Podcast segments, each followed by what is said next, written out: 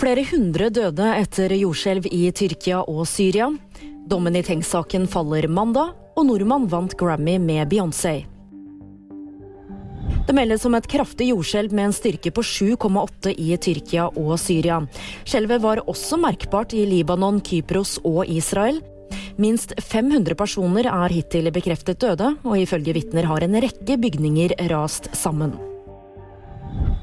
Mandag formiddag faller dommen etter drapet på Birgitte Tengs i 1995.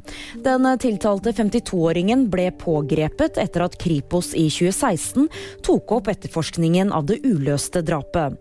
Han har hele tiden nektet straffskyld.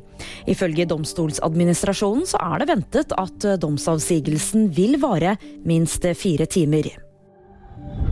Beyoncé har natt til mandag skrevet Grammy-historie. Hun er nemlig nå den mestvinnende artisten på Grammy Awards, sammenlagt gjennom karrieren med sine 32 Grammy-priser. I tillegg så fikk hennes produsent Jens Christian Isaksen fra Bergen en Grammy for hans bidrag på låten Break My Soul. Det var VG nyheter, og de fikk du av meg, Julie Tran.